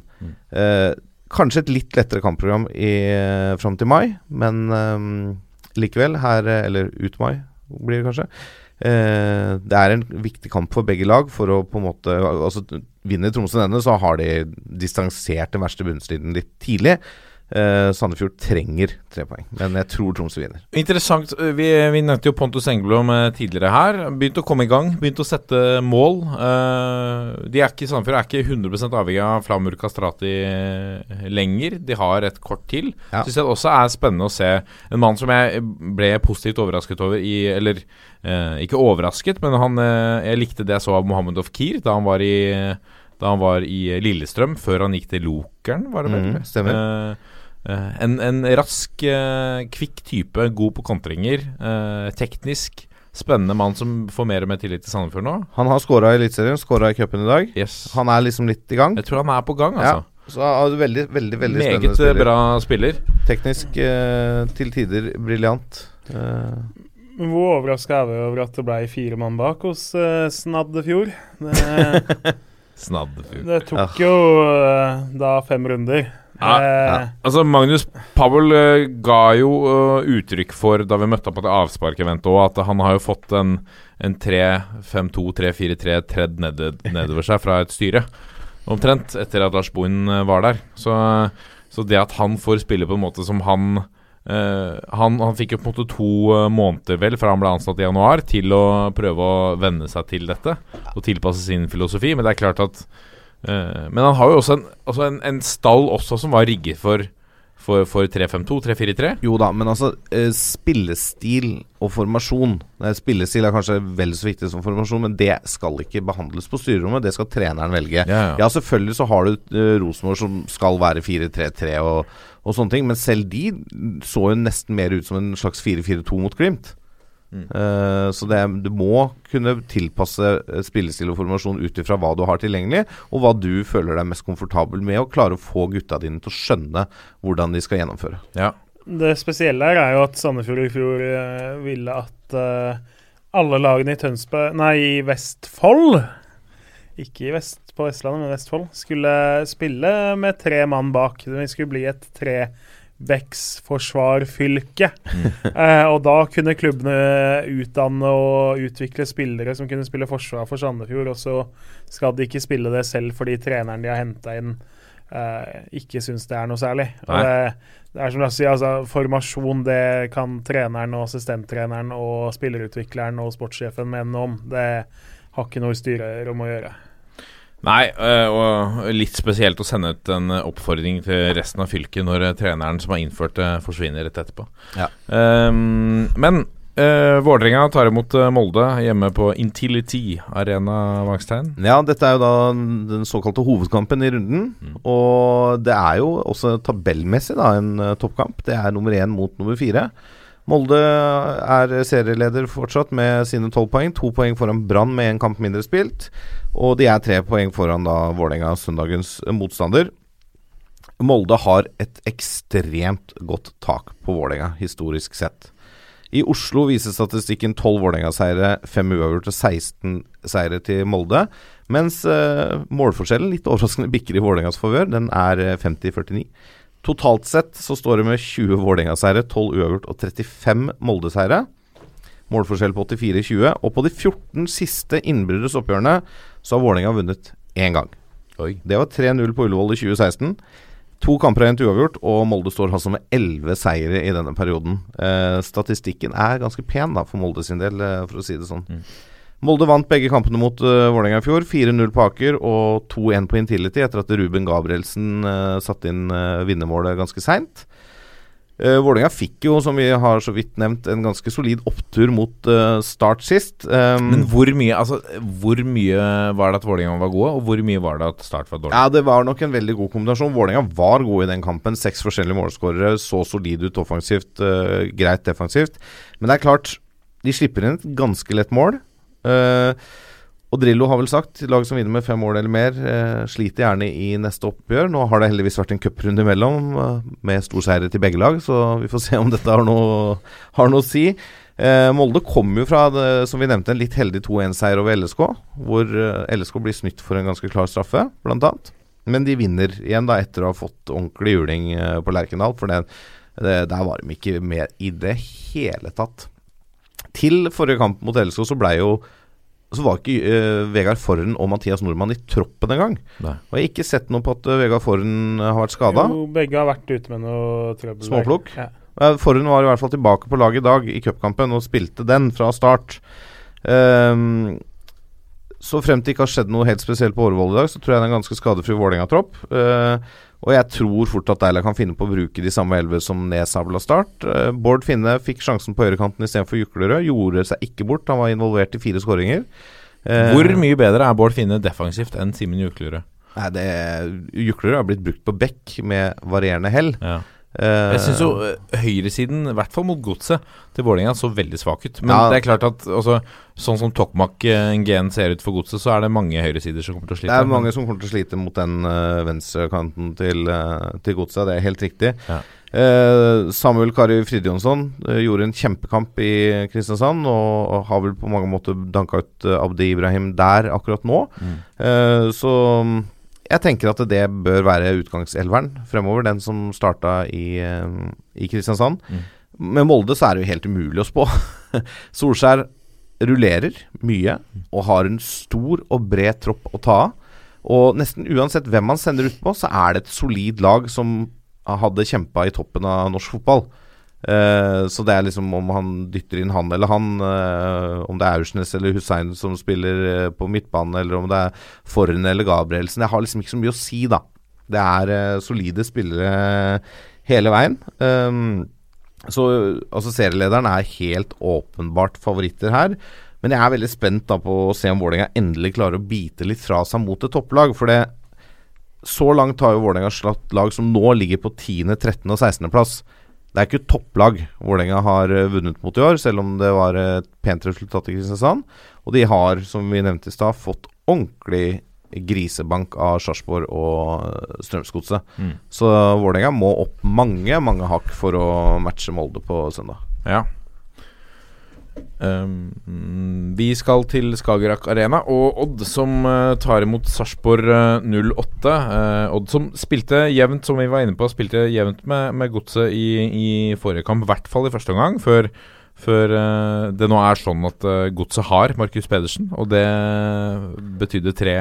Tre i sekken, og ikke minst hjulpet av en eh, strålende Tokmak Inguen. Som, eh, ja. Altså Markus Pedersen han har skåra fem mål på sine tre siste seriekamper. Har sju mål så langt i år. Ja. Og da i av disse tre kampene så har han da en kamp i Tromsø hvor han ikke er til stede i det hele tatt. Helt Ja. naken. Ja. Fikk ikke til noe, var ikke i nærheten. Så svarer han umiddelbart mot Odd med hat trick i eh, andre omgang. Det er, det er imponerende. Ja, men han, du ser jo eh, på de tre målene han skårer Altså, han, uh, han blir jo spilt veldig god, da. Så han må spilles uh, til disse sjansene. Eh, det, er jo et, et forarbeid her på disse skåringene som er, er, strålende. Eh, og, og så har han den rutinen og den goalgetter-instinktet hans som gjør at han er på rett plass. Jo, men hvis du ser også på, på måten han tar løpa inn Ja, i boks, og hvordan han venter og, og eksploderer i akkurat riktig tidspunkt Ja. Det gjorde han ikke i Tromsø, Nei. selv om det også har selvfølgelig noe å si med de rundt seg. Yes. Men når han er på, så gjør han så mye riktige valg i forkant av at ballen kommer til han. Mm. Eh, og han klarer også å skape ting på egen hånd. Eh, det gjør han. han altså, sånn som Markus Pedersen har fremstått i en del kamper i år, så er han jo eh, akkurat nå i hvert fall Eliteseriens eh, beste angriper. Ja. Eh, bøtter i mål og er på, og, og er jo vond å møte. Altså, han er jo et beist. Men det er kanskje litt som, som Skullerud har sagt, og som han har eh, Altså, han uh, Skullerud innrømmer det eh, kanskje i større grad enn en Markus selv, for eh, han sier at, eh, at Markus trenger et, et slags momentum for, for å få den ekstra eh, motivasjonen. Eh, og eh, med all respekt å melde, Tromsø borte er kanskje liksom ikke den kampen hvor eh, som det slår så mye gnister av for, for hans del. Det er ikke like stor prestisje knyttet til det knyttet til det oppgjøret. Det som er mest presisje der, er kanskje diamantøredommene til Simo Valakari. Eh, Jo, eller Ferrarien, som jeg har hørt rykter om at han kjører. Men eh, Så da alle kamper hjemme på Marienlyst, ja, da kan man Det er rimelig å forvente at eh, Markus Pedersen blir drevet fram fra et entusiastisk publikum. Ja. Og så har du disse kampene som mot Rosenborg, Molde, Brann, Vålerenga, eh, som, det, eh, som det ligger i i kortene at Jo da, og når han møtte Mjøndalen og sånn, men altså, det, er, det er noe med det å være proff nok til å klare å yte Ja, ja. Og Og der sliter han jo litt, Ja. da, ikke sant? Ja, men det er det jeg mener. Han trenger det ekstra. Og det er kanskje det som gjør at han ikke har lykkes like godt når han har prøvd seg andre steder, f.eks. utenfor landegrensen, da. Mm. uh, selvfølgelig, han var skada også da han var i Fites i, i Nederland, men han, uh, han var jo ikke, han var ikke King Kong der nede. Nei, men jeg blir liksom ikke overraska om, om han leverer en dårlig kamp borte mot Kristiansund, en dårlig kamp borte mot Bodø-Glimt. Ranheim. Uh, og Ranheim. Eh, men eh, når sant skal sies, hvis Ranheim fortsetter å ligge der oppe i toppen, så blir det jo fort litt prestisje ut av det oppgjøret også. Ja, ja, helt klart. Uh, så han må kanskje Det er det han, han må heve minimumet sitt. Eh, altså det, Han må heve bunnivået sitt. Eh, men vi skulle jo snakke om Odd Sarpsborg Sarpsborg, eh, 08. Um, eh, som rett og slett, eh, litt som vi har vært inne på, ikke klarte å henge med uh, Markus Pedersen og Tokmak eh, etter hvert, når de to satte i gang. Um, uh, Sarpsborg på sin side uh, gikk på etter hjemmetap eh, mot eh, Brann eh, sist. Brant en straffe ved Ronny Schwartz, som vel Uh, Altså, hvis du skal være helt ærlig, de ikke skulle hatt. Uh, Det er en rein filming av Sarpsborg-kaptein jo, Joakim Thomassen. Ja. Det er, altså, det er ikke straffe. Det er ikke nærheten av straffe. Nei. Um, hva gjelder statistikk eh, disse to lagene imellom, så har Sarpsborg vunnet de to siste oppgjørene i henholdsvis eh, serie og cup. Uh, før det så var det tre Det er litt spesielt. Tre 0-0-kamper på rad mellom, uh, mellom disse to lagene. Uh, for Odds del så har de hele, en, altså en hel sentrallinje ute med skade i Torgeir Børven, Fredrik Nordkveldet og Fredriksen Berge. Um, Sarpsborg 08 er uh, skadefrie. Um, for Odds del nå så er dette uh, Det er ikke noe tøff uh, Nei, hva skal jeg si Det er ikke noe enkel motstander hjemme på, på Skagerrak. De har to står overfor to nå ganske tøffe kamper på under en uke. Nå er det Sarpsborg, og så er det Molde borte i neste runde. Før de kanskje da får et etterlengtet oppgjør hjemme mot Start hvor man eh, kanskje ser en, eh, en mulighet for å komme tilbake til hektene. Um, de ligger på 13.-plass. Odd eh, begynner å brenne et uh, lite rødt lys nede i Skien også. Eh, og, og selv om de hadde en brukbar uh, førsteomgang, og Dag eller Fagermo går ut i pressen og sier at vi er fornøyd spillemessig, så er det begrensa hvor lenge jeg tror at den forklaringen funker når du går på 3-0-tap. Altså Jeg tror litt av utfordringen til Odd uh, er at de, de, de ser litt tynt besatt ut. Ja. Med en gang de Det, dette har vi snakket mye om. ja, vi har det. Og liksom, det er tre ganske uh, sentrale spillere som er ute med skade. Og det gjør at Odd har et, De har en ganske svak stall, altså sånn jevnt over nå. Um, og altså Sarpsborg er jo ikke noe lett lag å møte, altså. Nei. På kunstgress. De eh, ser ut til å ha funnet formelen i år også. Selv om de tapte sist. Ja. Så er det denne eh, hengekampen, da, Kjernås-Ranheim, eh, som eh, tar imot Brann. Som jo Det blir jo avgjørende på hvordan disse to neste oppgjørene går med Brann, Stabæk og Lillesøm-Ranheim. Men foreløpig så ser jo dette ut som et toppoppgjør. Ja, tabellmessig så er det jo det. Det var jo kampen som skulle starte hele sesongen. Og så var ikke banen klar, og så blei det mye styr ut av det. Og masse diskusjon. Eh, det er jo en sesongstart som har vært god for begge lagene. Eh, og så kan den bli veldig, veldig god for begge. Eh, jeg mener jo at Brann, hvis de skal ha noe å gjøre oppe i toppen, så er det en kamp de skal vinne. Eh, men det er ikke noe lett kamp for det. Ranheim har jo ettertrykkelig vist mot Haugesund og Stabæk på hjemmebane, eh, og den sterke overtidsseieren mot Haugesund, eh, mot Sandefjord, at eh, de eh, har ikke tenkt å gi seg, og de har ikke tenkt å gi seg med å være Ranheim. Uh, det er et vondt lag å møte. Det er en gjeng som spiller for hverandre. Og alle de her flosklene som man på en måte har tenkt at man kan bruke om Ranheim, kan så langt passe inn.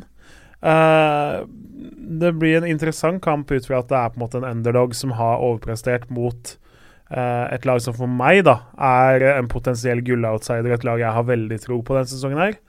Eh, og så får vi jo se, da. Det kan jo hende ett av lagene får halvparten av stallen ut med skade i helga. Men uh, Ranheim er i hvert fall tilbake. Mats Reginiussen uh, var med innblanda i tre av målene mot Haugesund. Er jo deres beste og sannsynligvis viktigste spiller.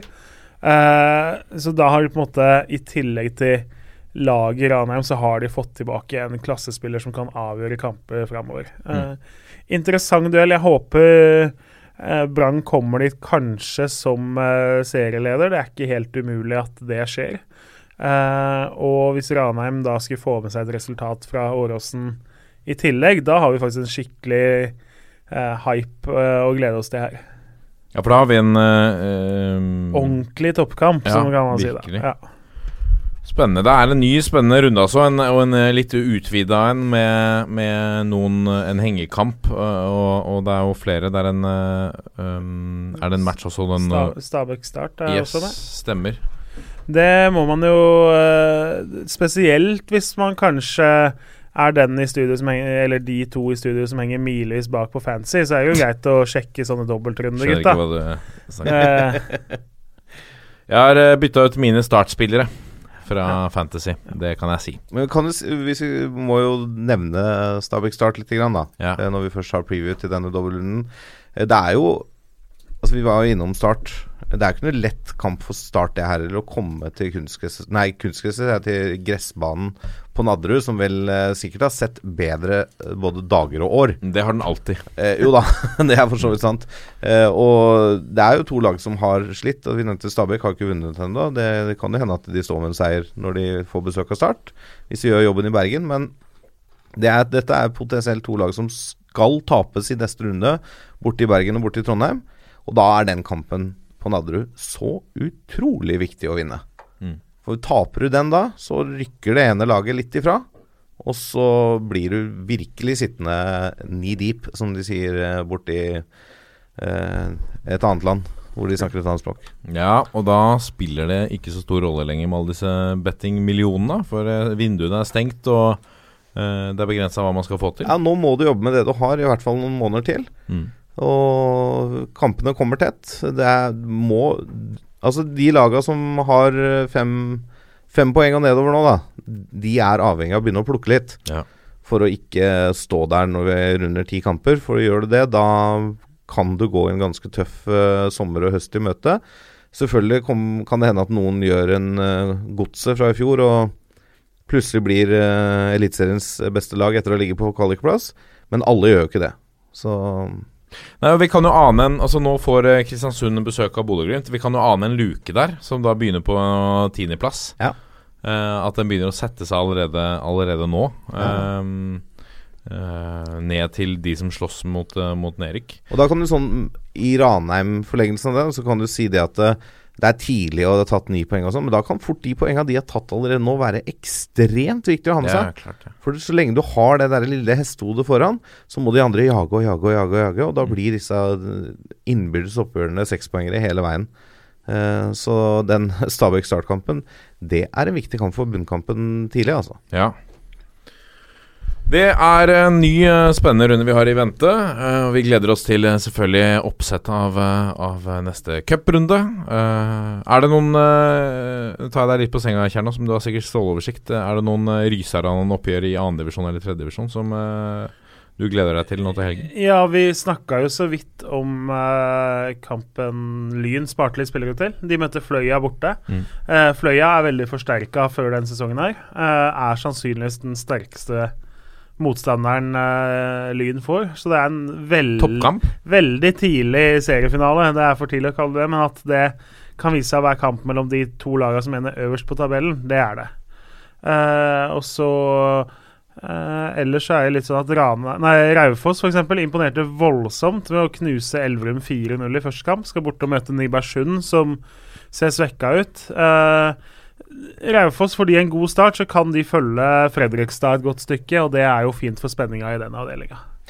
Ja, og apropos Fredrikstad, på, på lørdag er det vel, så, så er det lokaloppgjør. Eh, Moss-Fredrikstad, hvor man snakker om en 5000-6000 mennesker på, på Meløs uh, i annendivisjon. Det er ganske sterkt. Ja, og Fredrikstad hadde vel det nest høyeste tilskuertallet i norsk fotball sist helg. Ja. Uh, da de serieåpna hjemme mot Asker, uh, og det var mannen av huset i Plankebyen, og de vant 1-0. Det er jo litt deilig å se at et nedrykk betyr faktisk ikke noe for fotballinteressen for folk der, da.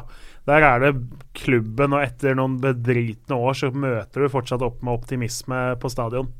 Veldig, veldig gøy. Og Moss-Fredrikstad er jo et gammelt sånt hatoppgjør. Det er jo en klassiker, eh, så det Man trenger ikke være fra Østfold for å glede seg til den kampen, da. Nei.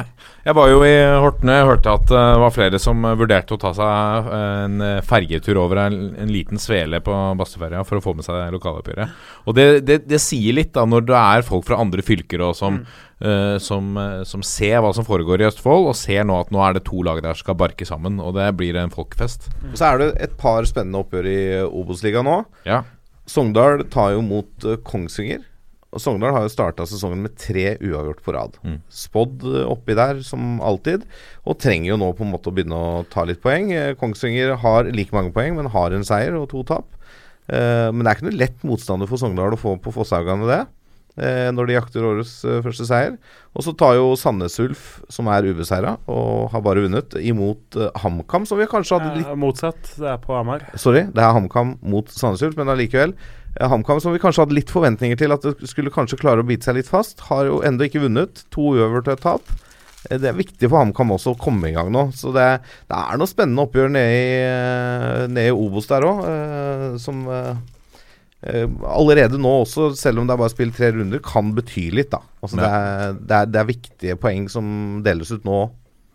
Da begynner vi å nærme oss slutten, for Jørgen Kjernås pakker sammen eh, de søte bjørnene sine. Eh, formasjonen er puttet tilbake Det i esken. Det går jo faktisk ikke alltid et tog, så vi må prøve å rekke det siste som går. Sterkt. Sterkt. Uh, har du uh, noe du syns vi bør snakke om? Er det et oppgjør som nærmer seg som uh, du mener trenger litt ekstra oppmerksomhet? Eller generelt noe gøy eller noe morsomt som skjer i Fotball-Norge? Send oss en mail på toppfotball at 451.no, eller gå inn på Facebook, Instagram eller Twitter, Lasse. Og vi vil gjerne ha forslag til rundens øyeblikk. Ja, Og Det kan du også komme på e-posten vår. Ja. Toppfotball.451.no. Det er riktig. Og så, da, må vi avslutte som vi pleier å gjøre, på én, to, tre. Vi er en gjeng! Ha det!